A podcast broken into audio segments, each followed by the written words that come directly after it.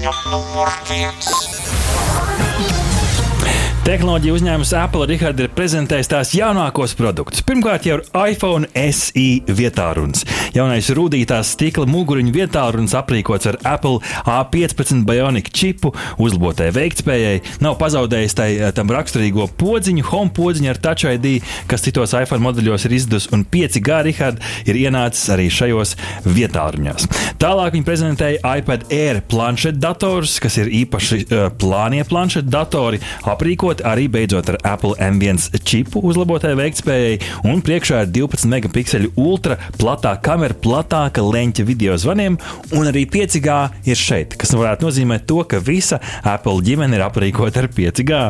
Tvirtais uh, iPad uh, tādā ziņā ir uh, man ka viens no tiem arī, kam šis varētu noderēt produktīvākam darba ritmam.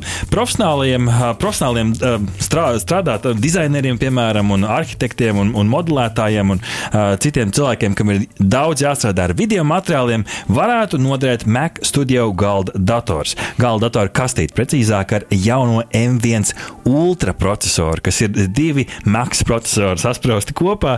Čips padara to par iespējams jaudīgāko piedāvājumu Apple eko ekosistēmā, vismaz šobrīd, jo viņiem ir tā ķīta uz iespējams vēl jaudīgāku datoru kasti. Neliela izmēra kastīte šoreiz ir aprīkota ar speciālu ventilācijas sistēmu un vairākām savienojumu vietām, dažādiem pielietojumiem pat SD atmiņas kartē. Savukārt Studio 27 colu monitors, kas ir pēdējais jaunums šajā um, prezentācijā ar 5K izšķirtspējas retina monitoru, aprīkots ar 12 megapikseļu ultraplato kameru un spatial audio tummiņu sistēmu par prāvu naudas summu. Jā, nu redzam, ka vārds ultra nu jau netiek izmantot tikai Samsung produktiem, mm -hmm. bet arī Apple produktiem. Uh, jā, nu ja cenas ziņā telefons ir maciņiem draudzīgākais no nosauktajiem produktiem, nu tad attiecībā uz Mac Studio galda datori jau automātiski ir jāpārdomā savas dzīves finanšu lēmumi. Jā, nu, Apple gan nebūs Apple, ja monitoram uzlaboto platā leņķa kājiņu netirgos par atsevišķu cenu, kas ir nu, teju vai jau pieminētā SE telefona vērtībā. Apple kā jau Apple. Divi. NFT mākslas darbi joprojām var šist pārāk netverami, tiem nesot fiziski pieejamiem. Tāpēc kāds izveicīgs Ņujorkas uzņēmējs sācis tirgot NFT mākslas darbus uz ielas tirzniecības automātos, līdzīgi kā var nopirkt, piemēram, kafiju un dažādus gardumus. Par dažādām summām automatā, automatā ir izvietotas nelielas kastītes, neona apgaismojumā. Nu, kāds tad ir rāķis? Pērkot kastīti, tu nezini, kādu mākslas darbu no platformas Neon tu iegūsi. 21. gadsimta Rembrandts vai Van Gogs to pircējs uzzinās tikai noskanējot QR kodu, un pēc tam jau varēs redzēt, kas ir kastītes saturā par to stāsta Reuters ziņa aģentūra. Un maz piebildu par NFT Rihard atceries tādu platformu kā LimeWire, kas nomira pirms desmit gadiem, kur cilvēki lejupielādēja mūziku un citas dažādas pirātiskās lietas. Nu, šī platforma ir atgriezīsies atpakaļ maijā, grasās debitēt, un tur tiks, notiks apmaiņa ar NFT mākslas darbiem. Jā, nu šajā gadījumā diezgan interesanti, ka uzņēmējs cenšas risināt to sabiedrības nu, saka, problēmu, ka mēs īstenībā nevaram to NFT aptaustīt. Nu, tad redz, kur lai iet tirzniecības automāti. Nu, kā jau skan tajā atziņā, ja grib nopirkt labu mantu, tad vajag apčamdīt. Ziņa. ASV Vašingtonā bāzētais tehnoloģiju uzņēmums Zeva Aero strādā pie jaunas formas bateriju darbināma vertikālā pacelšanās lidaparāta Zeva Zero, kas pēc formas atgādina nelielu lidojošo šķīvīti. Lidaparāts paceļas un nolaiž uz diska asas, respektīvi vertikāli, taču pagriežas horizontāli tajā brīdī, kad ir pacēlies pietiekami augstu un lido jau horizontālā trajektorijā. Viena pasažieru lidaparāts ir oktokopteris, Rihard, aprīkots ar astoņiem nelieliem propelleriem abos diska formas sānos. Pilots lidaparātā iekāp stāvus, bet lido attiecīgi nu, guļus gan jau uz vēdra, nevis uz muguras. Un tam augšā ir tāds, nu tā teikt, vējstikls.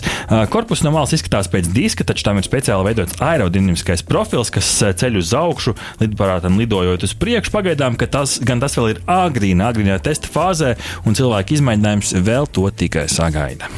Jā, Zeva uh, paredz ka lidaparāts varētu noderēt gan mediķiem, kuriem ātri jānonāk grūti sasniedzamās vietās, arī, protams, militāriem nolūkiem, nu vai arī vienkārši bagātiem cilvēkiem, kuri to varēs atļauties un kuriem gribās ātri nonākt no savas ezervillas līdz pilsētas centra birojam vai kādam restorānam. Ak, mē, ak tie bagātie latviešu bērni.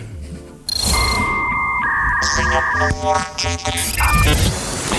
NASA plāno 2025. gadā teju vai neticamu misiju, kuras ietvaros ar robota palīdzību kosmosā tiktu atjaunota miruša satelīta darbība. Landsat 7 ir zemeslode fotografējošs satelīts, kas rotē apkārt planētai 99 minūtēs, kas par ātrumu līdz ar to 16 dienās var nofotografēt visu zemeslodi. Taču pēc 20 gadu godpilna servisa satelītam beidzās degviela. Paredzēts, ka robots gan pietuvosies klaidonim un veicot pāris mehāniskas darbības, uzpildīs 115 kg ar hidrazīna degvielu. Lai gan iepriekš satelīta lidošana kosmosā, labošana kosmosā ir tikusi veikta, tas ir dārgs un riskants pasākums, tā vairāk notikusi ar cilvēku iesaisti, bet šim ā, satelītam, starp citu, ir unikāla pievienotā vērtība. Tas varēs tikt atkal izmantots. Tas būs tāds universālais karavīrs no vienas puses, un tam būs nosacīts tāds 3D printeris līdzi osam viens satelīts. Līdz ar to varēs veidot tādas spēcīgas un kombinējamas kompozīta materiāla konstrukcijas orbītā jau esošu objektu remontam un apkopēji par to ziņā portāls Teksport. Jā, grūti jau tā to novērtēt, bet patiesībā tur augšā, kosmosā, ā, ap Zemi veidojas tāda neliela pat atkritumu, ā, atkritumu josla, kur ā, mirušie satelīti aizvada savas ā, beidzamās dienas, gadus un iespējams desmitgadus. Tad nu, iespēja tos atdzīvināt un salabot tomēr būtu ļoti nozīmīga. Ziņa numur 5. Milzīgo popularitāti gūšo TikTok platformu veidotāji radījuši jaunu mūzikas platformu Sound On, lai veicinātu jauno mūziķu darbu, klausāmību un palielinātu savas datubāzes. Platformā mākslinieki tieši varēs bez maksas pievienot savus gabalus, lai tie tālāk parādītos TikTok, gan ByteDance mūzikas straumēšanas servisā Reso. No Sound On dziesmas varēs automātiski arī tikt pievienots, piemēram, Apple Music, Spotify, Pandora un Deezer. Tātad šis nav kārtējs Spotify, šis ir kā tāds vārds eja visiem mūziķiem, lai ie- pievienotu savas dziesmas. Nu, un šeit ir dažādas priekšrocības. Ievietot varēs bez maksas. Pirmajā gadā mūziķis, saņems 100% no ienākumiem, nākamajā 90%, nu, pēc tam viņam var jāpalasa līguma smalkā druka, kā notiek tālāk. Taču, iespējams, eh, taču māksliniekiem, kas ir būtiski, tiesības paliks uz ordinālo eh, darbu un būs arī dažādas eh, mārketinga analītikas rīki, nu, jaunu vārtēju uz TikTok, kā ziņo portāls TechCrunch. Patīk tas vai nē, bet TikTok ir būtisks mūzikas tirgus ietekmētājs. Tas var būt īpaši svarīgi jauniem māksliniekiem ar mazu sekotāju loku. Esam dzirdējuši par daudziem tādiem gadījumiem. Un ir neskaitāmas dziesmas, kuras dzirdot, cilvēki iesauc. Tā taču ir TikTok dziesma. Nu, šeit mēs runājam par cilvēkiem, kuri lieto TikTok. Nu, jā. redz, Rihard, un šeit eh, man šķiet, ka ir labs, labs piemērs kanādiešu repera Pofu dziesma Deathbed, nu, kas skanēja aptuveni Don't stay awake for too long, don't go to bed. I'll make a cup of coffee for your head. I'll get you up and going out of bed. Aha! Paldies, ka noklausījāties mūs līdz galam! Ja patika, uzspiediet like, atstājiet komentāru vai padalieties ar draugiem. un nobauda arī citas epizodes, kā arī seko mums, lai nepalaistu garām savu ikdienas tehnoloģiju ziņu devumu.